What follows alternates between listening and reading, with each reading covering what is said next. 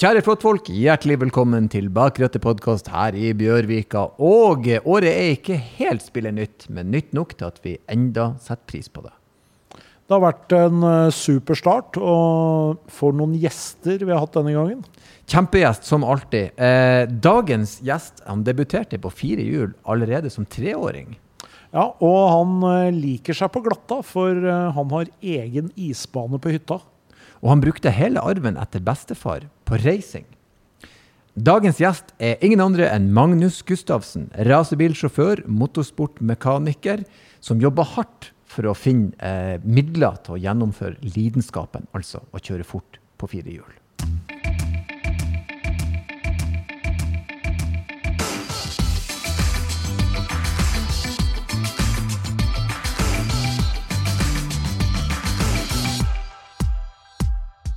Og med det så er vi på plass med atter en gjest. Og eh, velkommen hit, Magnus Gustavsen. Tusen takk. Ja, eh, starta der som vi alltid bruker å starte, bare for å få det avklart. Eh, vil du anse deg sjøl som et bensinhue, eller nei? Eh, ja, absolutt. Ja. Jeg tror jeg har blitt introdusert fra kjøretøy og ting som går på bensin siden jeg kunne gå. Så eh, Ja. Noe annet blir feil å si. Ja. Det som vi ofte ser som pekepinn her i podkasten, er at hvis vi må forklare folk hva bensinhue er, så er de Ja, da, ikke det. da er de ute og sykler. Og der var du på en måte på med, med en gang. Ja. Men du sa det med en gang. Det, det er fra, fra ung alder. ja. Uh, Hvor ung snakker vi her? Jeg vet ikke helt. altså Jeg ser jo bare bilder fra album, da. Men Mm. uh, faren min har drevet et bilverksted siden jeg ble født. Mm. Så med en gang jeg i det hele tatt kunne bli båret inn der, så har jeg jo vært der inne, da. Mm. Og eh, ja, jeg har jo på en måte, pappa også har kjørt mye på bane på et veldig hobbynivå. Mm. Men jeg har vært med fra jeg kan huske. Jeg har vært på Formel 1 fra jeg var tre år og sånn. Så, Mm. Og DTM og ja, andre serier, så jeg vil vel si at jeg ble introdusert ganske tidlig. Så det, der er altså både en, en, en si, teknisk interesse og en lidenskap for uh, lyd og fart. Ja, og, det er begge deler. mm. Både for det tekniske som eh, Altså åssen en bil er bygd opp teknisk osv. Mm. Faktisk også mekanikersiden, Mm. eh, men også motorsportsiden og, og det å kjøre, opplevelsen, lyd, ja. Alt det som følger med, da. Mm. Så det er begge deler. Mm. Så kjøreglede, det er noe du kjenner på ofte? Ja, altså det jeg driver med, er jo motorsport. Mm. Så det ville jo vært litt rart å ikke hatt noe kjøreglede da. Da tror jeg jeg hadde drevet med feil ting. Ja. Ja. I hvert, fall- hvert fall for meg, fordi jeg, må, jeg, jeg tenker at jeg må like det jeg driver med. Mm. for meg så vet jeg ikke om noe som er bedre. Mm. Nei, vi har jo faktisk hatt førere her, Stein, som uh, hadde null innsikt på verken bilen eller følelse. De likte bare å, å operere den. Ja. de ga fullstendig flatt i. Ja, men det er jo sånn, og sånn er det jo selv med toppførere. Så er Ja det jo ulikt nivå av teknisk innsikt, selvfølgelig. ja, ja. Men det, det er jo ikke noe ulempe å ha det, da. Nei. Nei, jeg tror jeg stiller veldig høyt på den biten. Jeg har jo gått tre år, eh, tre år skole som motorsportmekaniker også. Mm. Og så jobber jeg jo innimellom som bilmekaniker. Mm. Så teknisk innsikt har jeg. Og jeg føler det er en fordel sånn med tanke på setup og, og sånne type ting. Mm. Jeg blir kjent med Ja, og vite. Men av og til så kan det nok være en fordel å ikke kunne noe også. Altså Hvis det er rare lyder og sånn, så er det kanskje ikke alle som hadde tenkt over det. Men Mm. ja, jeg tenker over det. Og spesielt når jeg kjørte STCC, så var det sånn når vi sto på greeden, så drev jeg alltid og tenkte på om, om ting var riktig, liksom. Mm. Det er ikke lurt. Det er ikke noe Nei. bra egenskap. Nei. Så er- Det er litt for seint å gjøre noe med det. Når, ja, det er eh, akkurat det. Når jeg sitter der og vi er på greeden, da er det for sent. Ja. Så Men husker du første gang du kjørte et kjøretøy av noe slag med Ja. fire hjul? Ja, ja. Med firehjul. Jeg kjørte jo typ firehjuling og sånt fra jeg var tre-fire år. Uh, men snøscooter var det jeg var først på. Det var altså ca. i samme alder. Jeg var litt før på snøscooter. Uh, så jeg tror de første kjøretøy jeg kjørte, var snøscooter. Og så var det litt firehjuling og sånn. Og så fikk jeg en cross når jeg var fem-seks. Og så blei det videre med kart og iskjøring etter hvert. Mm. Husker du crossen hvilken type? Suzuki 50 kubikker, totakt, men jeg husker ikke akkurat hvordan modell det var. Ja. Suzuki var vel en RM, det var det jeg mener. Ja, kan nok hende det var noe sånt noe. RM50. Det var vel i 2005-2006 eller noe sånt. da. Mm. Så det var gøy, men jeg husker ikke så mye av det. Det er gode minner for de der syklene. Det er, er artig lyd og mye lukt. Og... Ja, jeg husker, bare, jeg husker bare at jeg slo meg, liksom. Det er, det, eneste, det er liksom det eneste jeg husker. Jeg husker egentlig ikke at jeg kjørte så mye. Jeg husker bare at jeg slo meg. Som man gjør. Ja. Eh, når kjørte du bil for første gang, da? Uh, når jeg var ni-ti år på isbane. Så for, for, altså, for å ta da, familien min, eller pappa, da, lager en isbane oppe i Sverige. Mm. Så vi har egen isbane på hytta, Mm. eh, som er 4-5 km lang. Så uh, han dytta meg inn i en eh, A6, var det vel. Mm. Og fikk, så jeg så jo gjennom rattet, da. For jeg klarte ikke å se over rattet. Mm. Så det var første gang jeg kjørte bil. Mm. På isbanen. På isbanen, ja. Ja, det må jeg si. Bratt læringskurve. Ja, det var kanskje litt bratt læringskurve. Og det endte i, i snøbrøyta en del ganger. Så Men hvordan, bare sånn ren nysgjerrighet, når man da skal kjøre opp til, til sertifikatet, ja. altså det å motstå refleksen fra bare legge han brei, du må jo ja nei, jeg klarte faktisk å holde meg, holde meg rolig når jeg skulle ta førerkort. Men, eh, eller første gang jeg skulle ta førerkort, så gikk det ikke, for jeg klarte å kjøre Vi dro til feil sted. her, er- Men her er litt interessant, vi kan, vi kan, det kan vi ta med en gang. Eh, Hvor gammel var du når du tok lappen? 18. 18, og Ja. det skulle fikses på dagen. Det var liksom Nei, det gikk noe- ikke, fordi eh, jeg, jeg gikk jo som motorsportlinje i Sverige. Mm. Og da betalte de for uh, førerkortet mitt. Så jeg Mm. tok det i Sverige, så jeg har fortsatt svensk førerkort. Uh, og det gikk via det systemet. Så det blei liksom et par måneder etterpå. da. Mm. En måned cirka. Mm. Men du dro til feil plass. Ja, fordi jeg skulle ta det på et lite sted som heter Malung i Sverige. Mm. Og uh, de beskjedene var litt vetydige og sånn. Så da dro vi på feil sted, og da blei det ikke noe førerkort den dagen. Mm. Ja, ja. Men det var ikke det at du strøk? Malung får uh, Bodø til å virke stort. Uh. Ja, jeg har, jeg har ja, ja. vært der på fotballcup, uh, og det det, er et uh, lite, lite sted. hvis du blunker når du kjører gjennom, da er du ute. Ja. Det er så lite, liksom. Det, vi snakker Fauske, liksom. Det, Ja, det er litt. lite. er Fauske, ja. Det er det. Ja, ja, det er lite. Helt klart. Men eh, du sa nå også litt om det. Den motorsportlidenskapen kom tidlig. Eh, Formel 1 i en alder av tre år. Ja, eh, på Hockenheim. Det Mm. var eh, Satt på skuldrene til pappa og så på. Mm. Og nekta å ha på meg hørselvern. Så eh, ja, det starta der. Faen, det er bra barneoppdragelse, da. Og da var det litt lyd også i de Formel 1-bilene. Da var det lyd. Ja, den er vel blitt betydelig strupa med. Ja, Ja, det har skjedd mye, ass. det har det. Mm. Så det, det har vært bil og bilsport som har stått i hodet på familien i, i alle år. Ja. Stort sett. Det- Mora di er også like glad i er ikke fullt like glad, men hun, eh, hun følger meg og syns det er gøy, det jeg driver med. mm. Det gjør hun absolutt. Mm. Det gjør hun. Men uh, starta med karting, som de aller fleste da, som driver med baneracing, i hvert fall. Ja. Starta med kart. Kjørte i Norge, i Sverige? Ja, jeg kjørte, kjørte mest bare i Norge. Eh, vi hadde liksom ikke For det første så var ikke jeg noe ubertalent i kart. Jeg var midt på treet, liksom. Jeg var ikke noe bedre enn det. Uh, så, og så hadde vi ikke Vi har jo ikke hatt Jeg vil si at vi har kommet veldig langt i forhold til økonomien vi har hatt, da. Så vi har liksom klart å, å dra det så langt det går. Så da kjørte jeg i Norge til jeg var 17 år. Mm. Det gjorde jeg. Mm. Og så blei det Formel, Formula Nordic, da, som er en Formel 4-bil, som blei veien videre. Formula Nordic, kan du si litt mer om det? Hva er det slags type Altså, det er en Formel 4-bil. mm. Uh, identisk til en Formel 4-bil. Nå er det jo den gamle typen, men når jeg kjørte, så var det faktisk den de brukte. Eh, og så er det et Nord, no, North European Zone, heter det vel. Så det er sånn NES-mesterskap, da. Nordeuropeisk mesterskap. Uh, men det har på en måte ikke fått FIA sitt stempel som et offisielt F4-mesterskap. Mm. De har prøvd å få det til utallige ganger, men jeg vet ikke hvorfor de ikke har gått gjennom. Hvor mange førere er det der, da? Det var 13 det året jeg kjørte. Ja. Uh, og så var det Nå i det siste har det vært skikkelig dårlig. Nå har det liksom vært seks stykker og sånn. Mm. Ja, det er interessant det der, fordi det er klart uh, Formelbilinteressen er jo skyhøy, så man skulle jo tro at uh, Ja, det gjorde klart. noe med rekrutteringa også etter hvert. da. Ja, men jeg tror det ligger litt på at uh, de svenske teama de tar fort 1,5 million for en sesong. Mm. Jeg vet ikke hvor mange som, sånn som markedet er nå, som klarer å hente 1,5 i spons hvis de ikke har noen historie før da, som kan hjelpe dem. Mm. Så jeg tror det er der det stopper, rett og slett. Ja. Tror jeg, faktisk.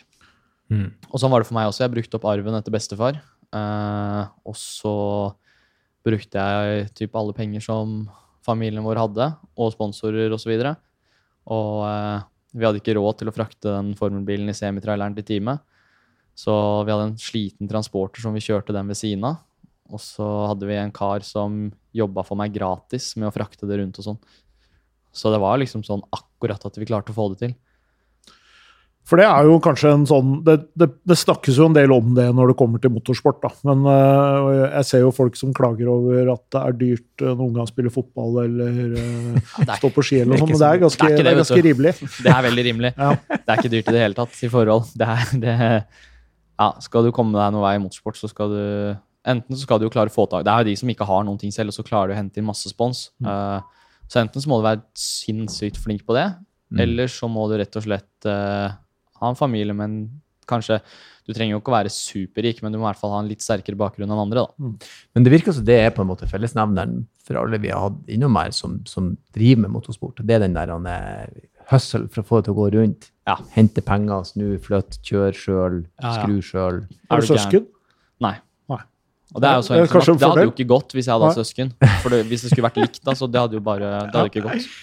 Da er du konkurransemenneske når du er sånn Nei, det er like greit jeg ikke har noen søsken. Ja, ja. ja men, jeg tenker sånn, Det er helt greit at jeg ikke har noen søsken, for da har jeg i hvert fall muligheten til å fortsette. Ja, klart, Du kunne ikke ha tre stykker. Så alle Nei, er du gæren? Det går jo ikke. Det går ja, Da må du prioritere ganske hardt. Det finnes jo noen eksempler ja, på det. da. Ja, Man ja, ja, faktisk prioriterer én utøver i familien, det men det. det. er jo ikke noe det er et det kan, vanskelig valg. Det kan kanskje bli litt feil for de andre som ble utenfor, da. Mm. Men, uh, men, du, men, du, gikk ifra kart og så hvor du dro der? Uh, så ble det jo formel. Mm. Jeg kjørte det en For. Da var det Formel Nordic? Mm. Ja, jeg kjørte det en sesong, og så var vi litt på tanken om vi skulle kjøre to. Men uh, altså, jeg vant et løp og var på pallen et par, og vi, vi var egentlig liksom der oppe uansett, da. Og det kosta såpass mye penger, så jeg hadde ikke utvikla meg så mye mer på å kjøre en sesong til. Mm. Så da valgte vi å gå videre. Og jeg har på en måte alltid hatt en barndomsdrøm om å kjøre STCC. Fordi når jeg var liten, så var STCC var, det, var det som var greiene. Mm. Jeg husker jeg var på STCC da jeg var fire år gammel og sto ute på gliden der og syntes det var det råeste i verden. Så jeg klarte å dra til meg en STCC-kontrakt sånn i siste liten, og kjørte STCC da i 2020.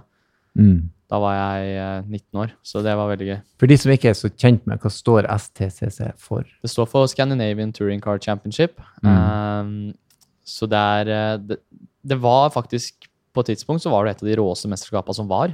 Det husker sikkert du ganske, ganske godt, for det, ja. Ja, det var ordentlig rått. Ja, Thomas Ski blant annet kjørte jo, og det var jo, det var jo mange store sterke. Og da var jo på en måte den den type racing var jo veldig stor mm. i Europa. Du hadde BTCC, du hadde Det var liksom Det var, ja. det var en stor serie da, hvor mange bilprodusenter var inne. Det var veldig svært. Mm. Hvilken type bil er det man kjører, da? Det er ikke eh, formelbil? Det her, det er nei, det, det, er lukka biler. Det... Eh, touringcar heter det. Mm. TCR-bil er det de brukte da jeg kjørte. Og det er samme som Stian Paulsen, som har vært der tidligere. Han har mm. kjørt TCR Europe, så Europamesterskapet. da. Mm. Han har kjørt med samme type bil. Um, så det er faktisk en veldig kul bil å kjøre. Mm. Det er morsomt å kjøre. Du sa du klarte å få deg kontrakt i, litt i siste liten? Ja, det var litt sånn i siste liten, fordi at en STCS-kontrakt eh, ligger ofte De teama tar ofte rundt to og en halv. Hadde én. Mm. Og så var det plutselig et team som sto uten fører, mm. og de ville gjerne ha en bil til på startlista. Mm. Og så klarte vi å få til det. Så man må rett og slett kjøpe seg inn Ja, du kjøper jo et sete eh, med mm. sponsor, eh, sponsorinntekter og, og, sponsormidler, på en måte. Mm. Ja, selvfølgelig. Det er sånn de mm. ja, sikrer ja, ja. driften av Ja. Eh, så det er ikke sånn at du får betalt for det når du er på det nivået. Og det er jo mm. det som er så vanskelig, fordi du skal betale deg opp så fryktelig langt før du faktisk kommer dit at du får betalt for å kjøre. Mm. Og det er jo litt sånn det er også i altså Sånn er det jo egentlig nesten helt opp til du kommer til, til toppnivåene i de ulike seriene. Sjøl Dennis Hauger og som, altså de teamene som drifter Formel 2 og Formel 3-teamene, det er jo egentlig det er jo egentlig en forretning hvor man ja. uh, drifter et team, tjener penger på å ha en fører som kommer med penger og betaler for å kjøre. Så du skal jo ganske langt opp da, før dette yes. begynner å bli uh, penger av akkurat den delen. Da. Du skal det. De som eier teama, skal ha mat på bordet, de også. Det er faktisk bare sånn det er. Mm. Så ja. Men uh, du klarer å tjene litt penger på å kjøre bil allikevel? Ja, litt på noen ting. Det, jeg vil si at hovedsatsinga mi, der går det jo mest ut. Og så klarer jeg å tjene penger på andre ting som jeg gjør ved siden av med bilkjøring. Uh, for eksempel nå så skal jeg fly opp til Nord-Sverige klokka tre. Uh, og da skal jeg være to måneder oppi der og kjøre bil. Og da tjener jeg ganske gode penger, mm. derimot. Ja. Så, for da er du instruktør? Da er jeg instruktør for et tysk uh, firma som har fire-fem Audi RS-er som er rigga for is, og en Mercedes E63 S. Eh, så skal vi være der og kjøre i to måneder på isen. Mm. Og da er det folk som betaler for å være der og kjøre. Da er det folk som betaler eh, godt for å være der og kjøre. Da kommer. Erlend og jeg og betaler, ja, og er- så kjører vi rundt. Kommer vi opp der. Jeg skal fikse dere en god pris, ja, så kan dere hoppe på et fly, dere òg. Så da er det liksom å høsle inn noen penger, og så er det på en måte sesongen Ja. starter igjen, da går Ja. pengene ut. Ja, du kan si det. Det. Nå så er det liksom 15 timer arbeid hver dag for Mm. å bare prøve å dra inn så mye man kan. Mm. Og så er det å dra opp dit og tjene ganske greie penger på kjørebil. Og så drar vi hjem og bruker litt på kjørebil, og så går det sånn i sånn sirkel. Mm. Enn så lenge, da. Mm. Det gjør det. For nå kjører du for Lamborghini. Ja, eller det ble, Ja, jeg gjorde, men kontrakta gikk ut for sånn to dager siden. Riktig, det er et nytt år. Ja, det er nytt år. Mm. Uh, så i, i 2022 så kjørte jeg for Lamborghini. Da var jeg en offisiell young driver for de. Mm. Uh, og så vet jeg ikke helt hva vi skal finne på nå i 2023, da. Mm. Prate med litt forskjellig, så får vi se. Mm. Hva er, eh, hva er drømmen, eller hva er målet, da? Du kan si, jeg kan, være, jeg kan være så ærlig og si at GT3 er jo helt klart å kjøre GT World Challenge eller en av de andre store GT3-mesterskapene. Ja. Jeg har hatt tre, tre GT3-tester med tre forskjellige fabrikanter, så det er jo liksom det som er riktig veien. Så Fortell hva som gjør en Nå har jeg jo snakket med Jeg har aldri kjørt en jeg har sittet på, men jeg har aldri kjørt uh, biler på, på det nivået. Men hva er det som gjør det hakket råere enn en, enn, eh, det du har kjørt nå, f.eks.? Ja, Du kan jo si, altså for det første, sånn som Lamborghini har kjørt, har jo hatt 640 hester ca. Så det er jo nesten 100 hester mer enn en GT3-bil. Mm. Men allikevel så er GT3-bilen flere sekunder raskere på runden. Det er jo, det er jo Bilen skal være bygd på et originalsjassi. Uh, og, og fabrikanten er jo tungt inne med å utvikle biler der. Mens også for eksempel, jeg hadde en test med en, en fabrikant da, som enn så lenge er hemmelig hva det er for noe. Og, og når du går og ser på den bilen, så ser du at det er bare ramma som er brukt. Det er ingenting annet. Mm. Til og med fester til bærearmer er senka. Og det er fabrikken som har gjort selv. Uh, alt er karbon, det er så lett det går an. Downforcen er jo Det er, det er masse downforce. Det er sammenlignbart til en, i hvert fall en Formel 3-bil, da, cirka. Mm. Og uh, girkasser og mappinger, traction control, ABS Det er uh, Altså, vi har hatt ABS nå også, men det er så Du kan justere det så fint, da. At det er eh, Og det er ingeniører som kan de kjenner de bilene inn og ut, så det er eh, det er bare seriøsiteten rundt hele greia, hvordan det er bygd opp, som er så rå. Mm. Hvor mye må du omstille deg som sjåfør da, når du kommer fra, over i en sånn bil som har de ekstra egenskapene, liksom? Det er vanskelig å si. Jeg, måtte jo ta, jeg følte at jeg må ta fram litt av det jeg lærte når jeg kjørte formelbil, pga. den downforcen som, som kanskje er litt mer. Mm. Men eh, jeg tror jeg har hatt en veldig fordel av at jeg har kjørt så mye rart på isen og sånn. Plutselig så har jeg kjørt en RS4, og så har jeg kjørt en uh, Golf etterpå. Så du har på en måte blitt vant da, til å switche om fort. Gått fra lappy til rallyhjul, og så kjørt kart, formel det er, Basen min har blitt så brei, da. Så det er veldig mange som går kart, formel, formel, formel, og så GT3. Og jeg tror kanskje at jeg har en bredere base, så det er lettere for meg å omstille meg. Jeg testa jo siste gangen nå sammen med noen av de raskeste fra F3, blant annet. Og de så, han ene som vant uh, the World Challenge i år, da. Og da klarte vi liksom å være helt på pace med de. Så jeg tror at jeg klarte å omstille meg kjempefort pga. det, Mm. faktisk. For det handler jo mye om å hva skal vi si, stole på bilen Ja. og klare å kjenne Ja. hvor det Du må kjenne hvor grensa går. er, og så må du ha tillit, og du må bare stole på bilen. Eh, og så tenker jeg litt sånn at hvis du er en god racingsjåfør, så kjører du fort med alt. Det er sånn jeg tenker, da. Mm. Mm. At uh, hvis du er virkelig god, så får du til Du mestrer alt. Du har jo kjørt på å si, mange timer i høy hastighet på alle de her årene. Det, det må jo ha vært noen situasjoner som har vært sketsjy eller farlig eller skummel. Har du krasja? Nei, ikke noen store krasjer. Jeg har hatt liksom små småting, men uh, det er jo også litt sånn da, når du har dårlig budsjett, så Har du ikke råd til å krasje? Nei, du har ikke råd til å krasje. Det er, jeg tenker jo ikke på det. Jeg bryr meg ikke om det. Sånn Mm. som sist Jeg hopp, gjorde et innhopp i STCC for å hjelpe team å få noen poeng i 2021. Og da den bilen den var så rundbulka etterpå at det var, det var ingenting igjen, liksom. Jeg hadde ikke krasja, men vi fighta om de første fire posisjonene, da. Og det var meg og Dahlgren og litt sånn, og det var eh, Det var begge dørene på alle sidene. Fronten, skjermer, bakfanger. Alt var helt ødelagt. Jeg så den uh, siste runden i STCC på, på, på TV, da, riktignok, men det var ganske Det var nesten sånn demolition. uh, Ja, det er det. Det er Litt eh, mer racing enn det i Formel 1. Formel 1 kan du jo nesten ikke være Ja, borti. det er jo er- Det tåler ikke. Det tåler ikke, Nei, så det er helt motsatt. det I STCC, så hvis det er på siste runden og du vet at du skal forbi, da kjører du på han foran. Det er så enkelt sånn. Ja, det. det er så ille på slutten. Hvis det står om mesterskap sånn, så er det sånn. Ja, De sier jo det at det har jo på en måte Sånn som historisk racing, da, eh, så er det jo veldig ofte sånn at eh, der er det en som eier bilen, og som har en gammel klassisk racerbil, liksom, og så har du med deg en fører i tillegg.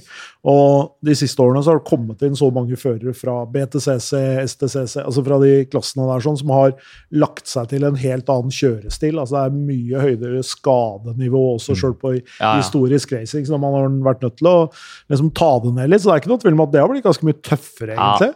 det har vært hard kjøring i både BTCC og STCC. har det jo vært eh, mye hard kjøring. Og mye sånn teamstrategi. Jeg ble helt sjokkert. liksom Jeg tenkte at det er sikkert ikke så ille. Men på slutten så er det sånn at vi, vi henter inn en ekstra fører, så han kan kjøre på, kjøre på en annen en. Mm. Så det er liksom, de gjør det så ordentlig på slutten. Da Da bare stiller de inn til bil på griden, og så er det en torpederingsbil. Så Så det er en greie. ja, det var det i. STCC. I I hockey så setter du på så slåss... Ja. sånn Slåss på Brutusen, han Ja. skal møle ned noen her, og så skal han andre komme seg frem. Ja, Vi sto på siste STCC-løp i 2020, og så kom det et til team, og så tenkte jeg det var rart at han som kjører, har lik kjørerdress som de som ligger som nummer to i mesterskapet. Han kjørte for et helt annet team. Og da hadde de putta han fører i et annet team. Og hva skjedde jo? Jo, så klart, det smalt jo greit, det. Mm. Så eh, det er litt sånn strategi ute og går. Det er ikke bra. Det er ikke bra. Det Det må ikke må ikke gå den veien. Taskenspill. Så, Men jeg ble, jeg ble litt nysgjerrig, da, fordi han har svensk førerkort. Mm. Og er det lettere å ta førerkort i Sverige enn i Norge? Er det sånn at du bare må gå ut og sjekke om blikklyset virker? og... Hva du kaste Resten går plassen du kjørte opp på? jeg, vet, jeg har ikke prøvd i Norge, så det vet jeg faktisk ikke. Men det, er, det var ikke så vanskelig. Det var faktisk ikke det. Du Var på bygda i tillegg.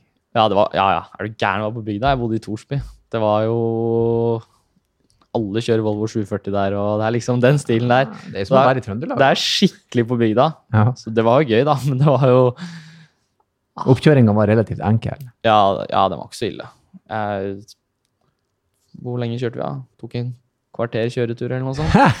Det var sånn, Og så er det jo sånn Det var jo ett lyskryss på det stedet jeg kjørte opp. Ja, sant. Så det er liksom, Hvis du kjører opp i Oslo, da, så er det jo gjennom gryta. Da kan du gjøre tusen feil. Mm. Når jeg kjørte opp, så var det ett lyskryss. Jo, har du kjørt i Oslo etter det, da? Ja da. gikk det?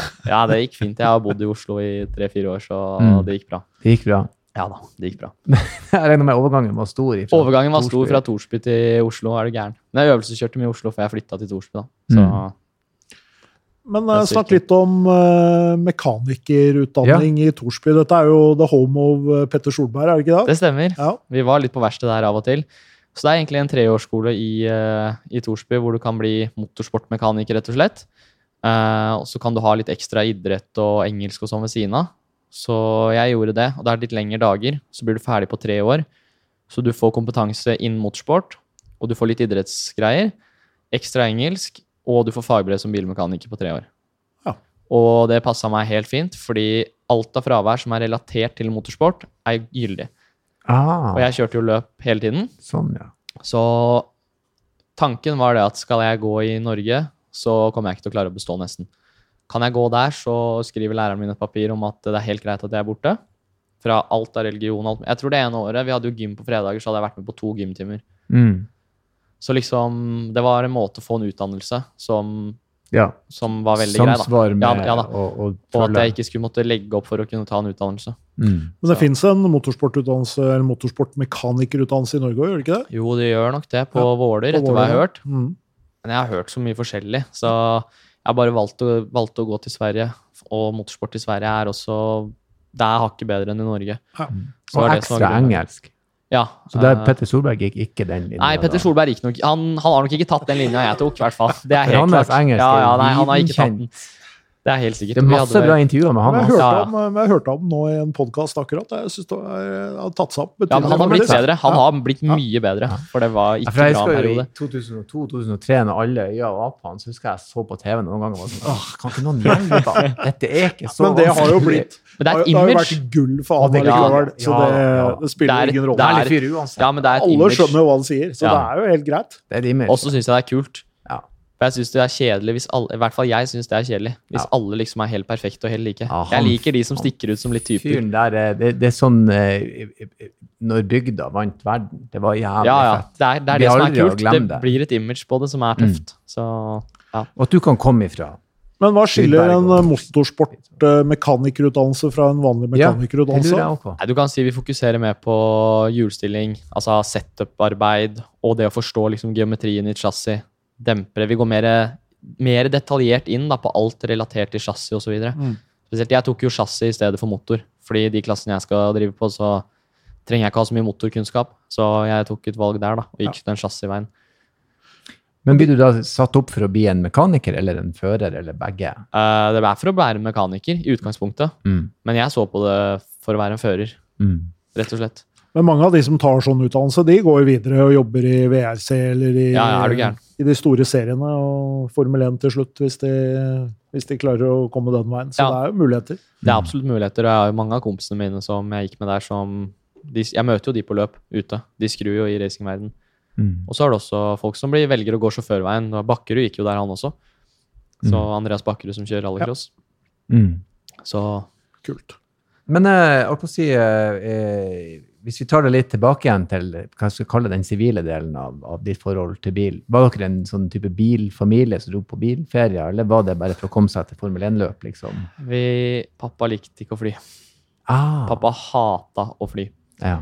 Jeg har så mange timer i bil, så jeg vet ikke, jeg bryr meg ikke om å sitte i bil lenger. Det er liksom, det eller sofaen spiller ingen rolle. ja. Det er det samme, liksom? Ja, var, Jeg kjørte ned til Frankrike et par ganger i året, og det var liksom Et par ganger i året? Ja, det kunne skje. Det kunne fort skje. Og hytta vår ved isbanen ligger jo 42 mil unna. Dit kjører vi jo fredag kveld og hjem igjen søndag kveld. Åh, Hildra, Hver du er 80 mil på ei helg. Ja, ja. Det blir 100 mil på en helg med kjøring rundt når vi er der osv. Så, videre. så Mm. vi gjør fort 100 mil på en helg, ja. Å, Tyri. Så jeg har sittet litt i bil. Ja, det Sånn som i år også skulle pappa være med ned på spa. Det var ikke fly. Mm. Det blei bil. Mm. Så, Fint å kjøre til spa. Ja. ja, han syns det er ålreit, så, så ja. Men er du en som kan sette pris på det, eller er det bare blitt sånn, sånn i livet? Nei, nei, det jeg syns det er helt greit. Det, jo, det kommer jo litt an på hvor langt det er. Mm. Frankrike syns jeg er i lengste laget. Mm. Men uh, spa, det, gikk, det var egentlig ikke noe problem, fordi vi tok et stopp på veien, eller et par stopp, og da er det, da er det helt ålreit. den lengste bilferien vi har hatt her, det er jo Oslo-Irak Ja. i bil, med henger. Ja, den slår, den slår jeg ikke. Det er langt. Det er langt. Det er Veldig langt. langt. Ja, det er, det er Så langt har ikke jeg vært ute og kjørt. Ja, så, så Frankrike er ikke så ille hvis man Nei, Frankrike er jo en liten svipptur i forhold, tenker jeg. Ja, ja, ja. ja. Så Så, det, så det ble altså bilferier ut av det i Ja. tillegg? hvert eneste år. Det blei det. Ha. Ja, det er, men det er bra. Det, og vi hadde liksom en og en år da jeg var liten, så kjørte vi transporter med sånn der eh, benk foran som jeg og stemoren min måtte sitte på. mm. For pappa skulle absolutt ha med to motorsykler ned. Jeg begynner å like far din, Så altså. det er liksom på det viset, da. Så vi måtte sitte. Du får ikke lagt ned setet der, for å si det sånn. Nei, det var helt Det var liksom, Du sitter som en sånn Sånn planke. Ja, benk. en sånn benk. Ja. Så det var helt forferdelig. Skulle ha med seg to motorsykler? Ja. Det er kult å cruise Rivieraen med motorsykkel, så det var det som blei greia. Jeg er ikke uenig i det, men, Nei, jeg er ikke uenig i det helt, tatt. men allikevel. Det er det var langt å kjøre. en lang tur ned. Det var det. Ja, det, jeg ser for meg den transporten der med den 90-gradersbenken i front der. Det er ikke det. Du har tresmak i rumpa da, altså. ja, Det er tungt. Det er ikke komfort i høysetet. Nei, det er det ikke. Hva var din, din første på en måte bil du hadde som var din egen, da? en Audi A3 fra 2006, og så tenkte jeg at den Fordi jeg skulle jo hente penger til å kjøre. Det var Mm. det som var hele greia. Mm. Så jeg kjøpte en litt sliten Audi A3. Den skal jeg strekke opp, og den skal jeg selge, og så skal jeg tjene litt ekstra penger. Mm. Det er vel det største tapet jeg har gjort. For eh, det er fortsatt ikke noe lyktestolpe i Torsby, Torsby kommune der. Oh, Så du tok en eh, Jeg tok en lyktestolpe. Hva som skjedde? Nei, Vi var på vei til skolen, og så var vi, bilen var full. Og så hadde vi eh, jeg sa, Pappa sa det at eh, vi, vi må bestille nye dekk. Du må ha nye dekk, så vi bestiller nye dekk, og så setter du det på når du kommer hjem på, på fredag, neste fredag. Uh, og det var rett før snøen skulle komme, da. Mm. Så da skulle vi få bestilt opp nye dekk. For det var ikke en mønster i dekka i det hele tatt. De, hadde, de var ikke bra å kjøre med, liksom. Mm. Så det var bare, og den bilen, jeg brukte den bare til skolen, sånn at det var det eneste som var liksom forsvarlig. Og så kom vi over en kur, de sånn, kjørte vel inn 60-70 km, Mm. og fartsgrensa var 50 der da, vel å merke, så det var liksom 10 over. Og så, når vi kommer over den kuren, så hadde de måka, men det som viser seg i ettertid, er at den måkebilen har gått i stykker. eh, akkurat ved den kuren, så den har snudd der. Jaha. Så når vi kommer over der, så er det sånn eh, bare Altså, det var en sånn haug, da. Ja. Av eh, sånn bløt, slush-lignende guffe. Riktig. Så det første som skjer når jeg treffer, er at rumpa bare kaster seg ut. Og vi hadde kanskje fire-fem kontraer nedover den bakken. Og så til slutt så sitter han ved siden av meg, da, en kompis av meg, han er fra Kongsvinger, så han sitter og holder seg, og så sier han bare 'Dette går ikke'. Og så Så det er det siste jeg husker, og så bare smalt det. ble masse piping og greier, for det gikk jo airbager overalt. Mm. Og da ble den lyktestolpa Vi traff den lyktestolpa ganske greit sidelengs. Riktig. Ingen ble skada. Ingen ble skada. Det er jo bra. Det er det Det gikk, viktigste, eh, den, tross alt. den traff Jeg klarte faktisk å prøve å komme så langt unna som mulig, så jeg traff eh, på bakhjulet. Hadde den truffet ved der hvor det satt noen, så tror jeg det hadde vært verre, faktisk. Mm. Men bilen den lot seg ikke berge. Eh, bilen lot seg berge. Eh, det som skjedde da, var at jeg ringte først politiet, Mm. og så kom de, for jeg tenkte at jeg må gjøre det ordentlig så ikke jeg mister lisens osv. Og, Mm. og de kom, og jeg forklarte alt som det var, og sa at jeg hadde kjørt 10 km for fort. Og så sa de at de ser på sporene at det her stemmer, eh, og det er helt greit. Bare ta deg av og berge bilen på riktig måte, så gjør ikke vi noe mer med det her fordi du er ærlig, og vi ser at det er faktisk en ulykke, og ikke Og de prata altså med han som drev og brøyta, da, Mm. og ikke at du har kjørt som en gærning. Wow. Ja, det var bra. Ja, så de, politi. Politiet i Torsby var faktisk veldig ålreite, Mm. uh, så det gikk helt fint. Og så, uh, Men bakhjulet var borte. Og, uh, og Så han bergningsbil han skulle ha 9000 for å flytte den 3 km. Mm. Så da sa jeg det kan du bare glemme. Så det ble en litt spesiell måte å fikse det på. Litt varseltrekant og, og litt sånn. Så gikk det på et rar måte. Gå på trehjul òg. Ja, det gjør det. Det gjør faktisk det det gjør faktisk det. Hvis noen holder airbagen oppe mens noen andre kjører, så går det. Det er såpass, ja.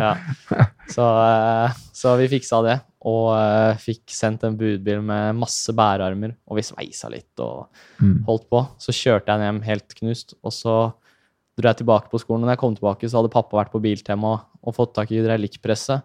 Og retta den bilen med slegge og hydraulikkpresse. Og den bilen bruker jeg fortsatt den dag i dag, og den er EU-godkjent, og alt er greit. Wow. Det må jeg si. Så det er, den bilen har litt sånn historie. Og Den kan du liksom aldri kvitte deg med Nei, heller. det er ingen som vil kjøpe den heller. Så Nei, det er nei, det- at jeg, det er ingen som vil stjele den heller. Så det, det har, går du bra. sånn, har du sånn, har ikke sånn per lyktstolpe? Sånn, Nei, nei, jeg har ikke, nei, jeg har ikke begynt å risse i den. Det er, det er den ene ulykka jeg på en måte har uh, hatt, da. Så Så i løpet av alle de årene med, med motorsport og bilkjøring, så det er ei ulykke. Det er ikke dårlig, det. altså. nei, det er ikke så ille. Jeg har mista bremser og sånn i STCC i 180, men da da har jeg klart fått redda det inn. Hva, men hva, bare sånn nysgjerrighet, for jeg, jeg kjente jeg ble litt redd når du sa det. Hva gjør man da, når du merker at her er bremsene rett og Ja, og altså, slett jeg borte? kom på Karlskoga på slutten av strekka, og så smeller jeg inn bremsen, og pedalen går rett i bånn. Mm. Ingen motstand, det bare- som har knekt av eller et eller annet sånt noe. Mm. Så det bare bremsevæska spruta ut på ene kaliperen foran. Så da var det å dra seg til brekket og gire ned, og så gjennom sandfella ut på andre siden, og så gikk det. Jeg fikk bremsa ned såpass at jeg fikk på en måte klart å komme meg gjennom. da. Mm. Og så kjørte jeg to runder til hvor jeg pumpa opp pedalen, og så gikk det ikke mer. Så, Ja, for du fortsetter å kjøre, selvfølgelig. ja, fordi at det, det var sånn at hvis du kom til mål, fikk du poeng. Ja, okay. Så det var bare gjøre alt for å få de siste poenga, da. Mm. Eh, Men det gikk jo ikke. Det var ikke sjans. Mm. Så, men det er sånn ja, Jeg er aldri redd når jeg kjører selv, men det er et sånt lite øyeblikk, nesten som hvis du sklir på isen, hvor du kjenner at det stikker til i kroppen. da. Mm. Det er sånn da idet du tramper inn pedalen. Men så er det jo bare rett på å, å finne ut av hvordan du kan redde din igjen. Mm. Men uh, er du redd når du sitter på? Ja. Hater å sitte på. Oh, ja. Ja, ja. Jeg vil helst kjøre selv, for da har jeg kontroll. Mm. Jeg kan sitte på med faren min, og det er det. Liker ikke å sitte på med folk. Og det er det skumleste øyeblikket jeg har hatt i bil, det er å sitte på. Ok. Helt klart. For jeg, jeg var et år og testa en Bentley GT3. Todagerstest med Bentley. Og han som var sjef der, han eh, fikk jeg god connection med. Så han ringte meg et år senere og spurte vi skal bytte til å med, kjøre Aston Martin. Kan du komme til England om to dager? Og det her var midt i det verste korona. Jeg visste ikke om det gikk an å fly. Ingenting. Så det første, Men så sa han det at men når du var hos oss i Bentley, så hadde ikke du noen manager. Fordi jeg har aldri hatt manager. Vi har ikke penger til det. Uh, og og eh, har du manager nå? Og så tenkte jeg Ja, ja, ja, jeg har manager. For jeg måtte jo prøve også å liksom vise at, vise at jeg hørte hjemme her. Ringe, ringe en kompis. Ja, da jeg har manager. Og så tenkte jeg fader, hvem skal det være? Uh, så jeg ringte til en kompis av pappa som jobber med olje. For han er veldig, veldig stram kar, da. Ja. Så jeg sa til han at kan du bli med meg til England om to dager? Uh, ja, det kunne han. Det gikk fint. Han tar seg fri fra jobb og fikser det. Mm. Så han møter jo opp da på, på flyplassen sammen med meg i dress og med sånn koffert og alt mulig. Han tok det helt på alvor. Han, han hadde lest opp på Aston Martin og historie og alt mulig. For han trodde han skulle være manager sånn på ekte, liksom. Ja, Mm. bra. Uh, så vi fløy dit. Og så hadde han tatt seg ansvaret for å booke leiebil, men det var ikke noe åpent. For alt var stengt. Det var den verste lockdownen.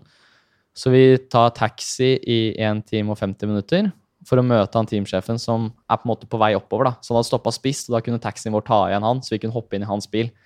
Der er en italiener. Og så, når vi kjører taxien, så er det det verste regnværet. Jeg har, jeg har aldri sett verre regnvær fortsatt. Så når vi kjører taxi rundt, vi ligger i 100, da kommer det en BMW og kjører forbi oss i 130, og så snurrer han og totalskroter på motorveien. Og jeg og han eh, kompisen til pappa ser på hverandre, og så tenker vi å fy søren, her skal man kjøre forsiktig. Så vi sa til han taxisjåføren senk lite grann, senk til 90 liksom, for vi Mm. har ikke lyst til å dø her. Det er så dårlig drenering også i England. Mm. Uh, og så kommer vi og møter han italieneren, og han er jo Yes, yes, I have the car here. Mm. Og så går han og låser opp. Det er en Seat Ibiza, vi skal være fem stykk, fullt av bagasje. En sånn bag som jeg hadde med meg hit, en stor en. Ja. Og så klarer vi liksom å få det til. Uh, og så legger han seg 180. Åh, nice. Og prater i telefonen og ikke belte på.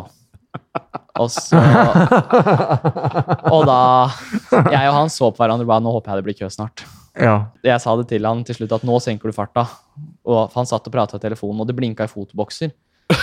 og, så sier, og så sier jeg liksom at uh, Tankre, Eller han het Tancredi, han teamsjefen. Det er gjennomsnittsmåling her. Og han sitter helt kald. Yes, yes, but this is the rental car. så det var eh, forferdelig kjøretur. Han steiker. Da, ja, jeg kjente det sjøl. Da hadde jeg også sagt ut hva, det her går ikke. Nei, så jeg var, jeg var så glad når vi kom fram der. Og så fikk vi beskjed om å ta taxi til banen dagen etter. Mm. Og det gjorde vi. Og da var jo, det her var jo litt spesielt, fordi jeg hadde jo testa med Bentley, men da var det et kundeteam. Men den gangen her så var det Aston Martin Fabrikken. Så det var liksom ekte factory team, da. Det teamet de kjører World Endurance med. Og så kommer jeg dit fra, fra Norge og sier taxi, ta meg til Donington Park. Han kjører, og så klarer han å sette meg på, bak, altså på feil side av banen. På baktraseen. Så jeg begynner å gå rundt og kommer aldri fram. Og så går jeg inn i sånn kontrollhus og sier jeg skal teste. Ja, da må du gå, men det er tre-fire kilometer bortover der. Så jeg, det går ikke. Testen min starter om sånn en halvtime. Og så sa han ja, hvem skal teste mest? Så sa jeg Aston Martin. Og så så han på meg og så sa han Factory Team. Og så sa jeg ja. Og da no problem. Og så kom han engelskmannen ut. En golfbil satte på sånn der liten oransje ulelampe på taket. Og så bare kjørte vi gjennom banen og alt mulig og inn i depotet. Og rett utafor traileren til Aston Martin, der sto sjefen for Aston Martin. Og der kom han norsken i en golfbil med sirene på taket. Så det var mitt første møte med dem, da. Godt utgangspunkt. Så det var eh, et dårlig utgangspunkt, men eh, når det var som det var, så, og så kort varsel, så bare blei det sånn. Mm. Men vi fikk testa, Ja. så det er det viktigste. Hvordan var det? Det var bra, men eh, det var glatt. Ja. For på Don, det var regn på Donington, og så er det en flyplass rett ved siden av. Ja. Og de flya dumper litt, tydeligvis litt bensin på banen når de letter. Mm. Så var vel 15 rødflagg den dagen. Ja. Så jeg fikk typ kjørt tre runder, tre nye runder, tre nye runder. Mm. Det er ganske Ja. Ja. Det er litt demotiverende. Ja, det var litt demotiverende. Ja. Men eh, jeg betalte jo ingenting for testen, Nei. og det var jo liksom med, jeg Jeg kun- sjekker da på ja. lista. Ja, så jeg var bare fornøyd med at jeg i det hele tatt allerede da så tidlig fikk teste med et fabrikksteam. Så jeg Mm. kunne på en måte ikke være sur for uh, hvordan den dagen blei, da. Mm. Men det var Aston Martin. Hvordan, hvordan bil var det? Ja, det er en sånn Vantage GT3. Ja. Så er det den de bygger GT3-bilen sin på. Uh, så det var veldig morsomt, tur, for vi fikk uh, komme inn til Aston Martin sin fabrikk da etterpå. Mm. På racingfabrikken og fikk se litt bak hos ProDrive der, da. Ja. Hvordan det ser ut. Det er ganske kult. Samtidig så du, blir du litt sånn, så tenker du at uh, det er jo veldig sånn det er jo, det er jo veldig sånn cleant og pent og ryddig og sånn, men det kunne jo ha vært på Det ligger jo liksom litt sånn på et industrifelt. Ja, eh, det ser ut som en felles kjøpebutikk. Ikke sant? Faktisk. Det gjør det, altså. Ikke Mm. inne, men det ligger, liksom, området det ligger i, er liksom Ja. Så står liksom Aston Martin eh, Prodrive, da. Og så i bygget ved siden av så er det noe sånn der kornproduksjon og noe hvetemel og sånn. Ja, men det er, det er på et sånt industribygg. Ja, så kommer du inn, og så har du jo liksom Jeg var der i forbindelse med noen rallygreier, og da var det liksom Men da drev du også med Aston Martin, men da var det liksom Da drev du med noe der, og så drev du med Ja noe her, og så var Sånn var det da jeg var der også. Ja. Det var et sånt Dakar-prosjekt. Ja. Det var Halve bygget var Dakar, Ja. og så var det noe nye produksjon. Og så var det liksom litt Aston Martin der, og, og så lagde de noen sykler og noen sparkesykler. og ja, Så, så har de litt museum. Så Ja, du kan museum også. Biler. Ja. Mm. Så Prodrive de driver med mye rart. Kul opplevelse, da. Ja, det er veldig gøy å være med og se, og se litt hvordan det ser ut bak kulissene også. Mm. Det er det. Men vi har, vi har jo snakket litt om eh, du, du, si, Det er levebrødet ditt og drømmen å bli eh, racingsjåfør. Du er det, men, men hvordan er du som eh, vanlig bilist? da? Altså, vi har et sånn klassisk spørsmål vi stiller alle gjestene våre. så det er det her, er På en skala fra én til ti, Ja. eh, hvor plasserer du deg på den skalaen, eh, og hvorfor plasserer du deg akkurat der? Som racing eh, tenker vi liksom nå som veibilsjåfør. Mm. Det er det vi lurer på. Mm. Da får jeg legge meg på en åtte, da. Hadde vi sagt racingsjåfør, så hadde jeg sagt 10-5 og har troa på meg selv. Mm. Men, eh, I trafikken så men i trafikken så kan vi dempe litt til 8, for jeg er så utålmodig. Du er utålmodig. Å ja. Hvordan, eh, hva slags utslag gir det? Uh, tute kan være en konsekvens av utålmodighet. Går du, går du på fløyta? Ja da. Det er ganske aggressivt. Blinking med lys kan også være en, en løsning. Det er ganske aggressivt. Men vi stopper der, da. Vi stopper der. okay. Så det er rett på lyd og lys? Ja, og... det kommer litt an på, da. Men uh, Men er det sånn som, hvis du tar igjen en bil som ligger i venstrefila, er det sånn som legger deg litt sånn ut på venstre og kikker litt? ja, litt. Ja. Jeg kikker litt. Ja. Men uh, det kommer litt an på hastigheten også.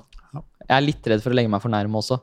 For du veit aldri hva som uh, de foran driver med. Det er riktig. Så Det, det er jeg faktisk litt redd for. Men, men kan du få beint ut road rage? Kjefter du og smeller inn i bilen? Ja, inni bilen, ja. Mm. Ja, det er høyt lydnivå inni bilen. Mm. I hvert fall hvis Si jeg er på vei til jobb, da. Og, jobb er jo blitt livet mitt for å prøve å få penger til den dumme kjøringa. Mm. Så da har jeg dårlig tid. Skal skynde meg på jobb og tjene penger. Mm. Og da er det liksom i trafikken da. Eller hvis jeg skal hjem og er sulten også. Mm. Det er ikke bra kombo. Men blir du sånn belærende, liksom? Eller blir du mer Eller er det mer sånn Nei, det er mer sånn hvor idiot går det an å være? Det er jo egentlig bare det. Er konstruktivt. bare det. Konstruktivt. Det er konstruktivt. Ja, det er det. Ja. Det er ikke noe mer enn det. Men jeg er aldri sånn som liksom, hvis det er et lyskryss, jeg har sett folk som stopper og går ut av bilen og kjefter på de foran og Ja, sånn. da, vi, vi har hatt mange av de. Der er jeg ikke. Det, det gidder jeg ikke. Vi har hatt mange gjester som har snakket både fysiske konsultasjoner og skuldre ut av ledd og alt mulig. Å ja, nei, nei, nei, der er vi ikke. Helt Det- umulig å sette seg inn i. Nei, ja, du, du kan ikke forstå hvordan det skjer? Nei, jeg. Så ja, nei, men det er bra. En åtter. Ja, det er ikke det, det, er ikke det mest brede vi har hatt. Nei da. Jeg tenker Når det er veikjøring, så får jeg ta og senke meg lite grann. Fordi det er nok folk som kjører mer på vei enn meg. Rett Du er jo likt med de, eh, med de aller eh, fleste Ja. Folk, profesjonelle Ja. førerne. Ja. Bortsett har på- ja, Bortsett fra Fredrik Sørli, muligens. ja, Han la seg på en elver. Ja, 11 eller 12. Han la seg på en 11 eller 12, ja. Han tok litt sånn spinal tap. Ja, okay. ok. Han gikk rett på en elver, en Ja. tolver. Men vi har hatt komikere her som har lagt seg på en klokkeren en tier. ja, ja, ja. Som ikke. Herman Flesvig? Nei, Okay. han har ikke vært der ennå. okay. Nei da, det-. Det er vel den graden av, eh, av innsikt eh, det, Ja. det beror på. Ja. Eh, si, vi, vi eh, Du fikser alt på bilen. Vi bruker å snakke litt om hva folk fikser på bilene sjøl. Vi har allerede skjønt at du ordner alt på bilen sjøl. ja, vi gjør stort sett det. Familien min driver jo et bilverksted. Ja. Og du har mest. innsikt, du er jo mekaniker, så det er jo ikke noe Ja, ja. Jeg prøver også å fikse alt selv. Mm. Og det var litt morsomt, faktisk. for Vi kom på det første løpet i, eh, i år med Lamborghini. Og så rasa kløtsjen på første testen. Og bilen var eskeny. Hadde ikke dratt av plasten engang på dashbordet, liksom. Og vi skjønte ikke helt hva dette var, da. Og så begynner de mekanikerne å eh, rote litt og skal bytte den kløtsjen. Og det var dårlig tid til Mm. neste, neste treningspass. Og vi skrur mye på R8 på verkstedet vårt, for vi spesialiserer oss på gromme Audier. Mm. Det er samme motor og gir og sånn. Greit nok at det er sekvenskasse, men hvordan kassa er festa, er likt. Mm. Så så jeg på at de eh, drev med det der, og så bare kjente det jeg fikk skikkelig mark. Det begynte å klø skikkelig, for jeg så at det her kommer til å ta for lang tid. Så hadde jeg med meg en kompis som har jobba hos oss, så jeg sa nå går vi og skifter. Så han teamsjefen står og ser på at mekanikerne skrur, og så plutselig kommer jeg som sjåfør og han kompisen min ut av traileren og bare river tak i verktøykassa. Og sånn, og da hadde jo kløtsjen brent seg, så den satt fast. Og de sånne motorsportmekanikere er jo veldig forsiktige, da. Alt gjøres så nøye og sånn. Så jeg og en kompis min fant et spett, og så bare tredde mellom motor og gir, og så bare måka til. Så den kassa fikk vi vippa, da. Så det var jeg og han som vippa kassa inn i depot der. Så det var litt sånn spesielt. Da var det en del teamsjefer rundt om som lurte på hva som skjedde. Og han sjåføren tok seg av det. Det er ikke alltid du ser liksom føreren bryte seg på Nei, og begynne å skru. Men da følte jeg bare at vi måtte, for det var liksom Miste enda en trening hadde vært kjipt. ja. Så ja, det her har vi ikke tid til. ja, vi hadde ikke tid til det. Men det gir jo litt kred i teamet, regner jeg med. da. Ja, jeg fikk, masse, jeg fikk kjemperespekt i teamet for Ja. det. Og jeg er også sånn alltid når jeg kjører, så skal jeg alltid være med og rigge ned alt utstyret. Fordi de jo, alle de som jobber i teamet, jobber for at jeg skal få kjørt. Altså mekanikere, alle sammen. Og på slutten av løpshelgen så er de slitne. ikke sant? De har jobba en hel helg. De jobber døgnet rundt. Det er jo 14-15 timer lange dager. Mm. Så jeg er alltid en av de siste som drar fra banen. For jeg vil alltid være med, ta ned telt, plukke gulv, rydde bilen inn i traileren, gjøre alt det. da. Mm. For uten de så hadde ikke jeg fått kjørt. Så hvis jeg kan gi de følelsene av at jeg også er en del av det, så Mm. tror jeg det gagner meg til slutt, egentlig. Ja, ja. Ikke bare følelsen, men at du faktisk gjør det. liksom. Ja, ja. For det er klart, det er, eh, det er eh, superviktig. Utvilsomt. Eh, utvilsomt. Så det er, jeg syns det er greit å være med og drive på litt. Og så har jeg så masse energi hver eneste dag. Jeg har jo kjempemye energi. Mm. Så jeg kan jo helt fint rive ned det teltet. Mm. Det går fint. Vi, eh, eh, si, vi har eh, en sånn spalte som vi kaller for Drømmebilen. da. Ja, det må vi ta. Det må vi ta med. og vi, er- det, vi er, eh, det er et ganske sånn kjent fast scenario. De fleste drømmer om det her. Eh, Viking Nei, eh, Joker eh, Euro-jackpot. Euro-jackpot. Takk. Der traff vi. Euro-jackpoten klakka inn. Du Ja. har eh, full pott og 852 millioner Ja. rett inn på konto. Eh, du kan gå for inntil tre biler. Hvilke biler går du for da? Penger er ingen option. Du kan Penger er ikke noe problem. hva enn du vil. Tre biler. Bortimot. Hva går du for? Jeg går for en Ferrari F40. Mm, fordi Jeg syns det er en av verdens råeste biler, bare. Ja. Det er liksom, det er, jeg vet ikke hvordan jeg skal forklare det, men også. alt, alt er mekanisk. Ja. Og uh, kløtsjen er hard, og girkassa er sikkert helt forferdelig. Men Mm. det er bare noe med følelsen av å kjøre det. Og så syns jeg den ser dritkul ut òg. mm, Og uh, det er jo en bil som Den Det er ikonisk. litt, så det er- og så er det et ikon. mm. Og så, hvis det er lov å ha en som ikke er skilt, så hadde det vært en Audi SE, en gruppe B-bil. Men hvis det må være skilt på den, så tar jeg en Sport- Sport Ja, trenger ikke det. Det går fint å ha en SN. En SE-en hadde jeg tatt da, Mm. og så tror jeg jeg hadde hatt en Bentley ved siden av. Bentley. Ja. Bare for 21 år, kjører Bentley. Ja. den luksusen. Ja, men hvis du har en F40 og en SN, så trenger du ikke en Du trenger liksom ikke noe Bugatti, da. For du har kjøregleden i de andre bilene. Mm. Så. Er godkjent. Ja, Det er- det er i aller høyeste Det er kanskje ikke så mange 21-åringer som tenker liksom de gamle bilene der, Nei, men, Bentley, eh, ja. men Også en Bentley, men eh, ja, jeg syns de gamle er kule. Mm. Det er jo en uh, helt legendarisk bil, da. Ja, Mm. Det er det. SN. Mm. Jeg hadde gleden av å sitte på med Stig Blomkvist i en sånn på, på Gotland en gang. Og det er jo som å sitte i et museum, Ja. samtidig som det går noe helt Ja, ja. insane. Det er jo der det gikk gærent for meg òg. Og bråker. For jeg, en kompis av pappa hadde en sånn. Ja. Så jeg fikk liksom drive og sitte på en del med det Ja. jeg var liten. Så da, det er jo der det gikk gærent. Da ble jeg helt frelst. Den femmerlyden og alt er mekanisk. Det er, det er bare så tøft. Ja, du kan nesten ikke Det er vanskelig for folk som kjører vanlig bil, å beskrive hvor mye lyd det er inni en sånn, en sånn Det er så mye, det. Ja. Det er det som er kult. Ja. Og så er det helt ubrukelig. Du hører hvert sandkorn Ja, som treffer karosseriet, liksom. Du gjør det. Det er det som er tøft, da. Ja. Og det er jo egentlig litt ukjørbart også.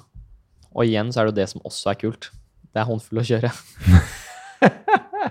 så ja. Jeg syns det er jo eh, helt nydelig eh, å avslutte på. Det er helt ubrukelig. Vanskelig å kjøre, men jeg elsker det. ja.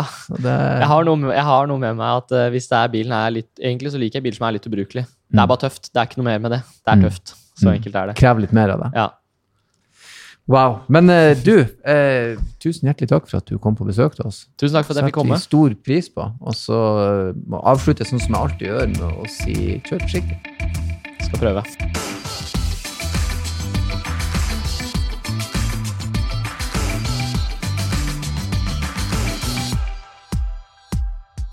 Hei, hei, hei, stopp! Det er ikke ferdig enda Ikke skru av. Det er bare jeg som hiver meg på og ber dere om følgende. Hvis dere vil ha gjester, hvis dere vil komme med kommentarer, hvis dere har spørsmål, bruk endelig vår e-postadresse som er bakrattet at bos.no. Bakrattet at bos.no. Ta kontakt! Og ikke glem å kjøre forsiktig.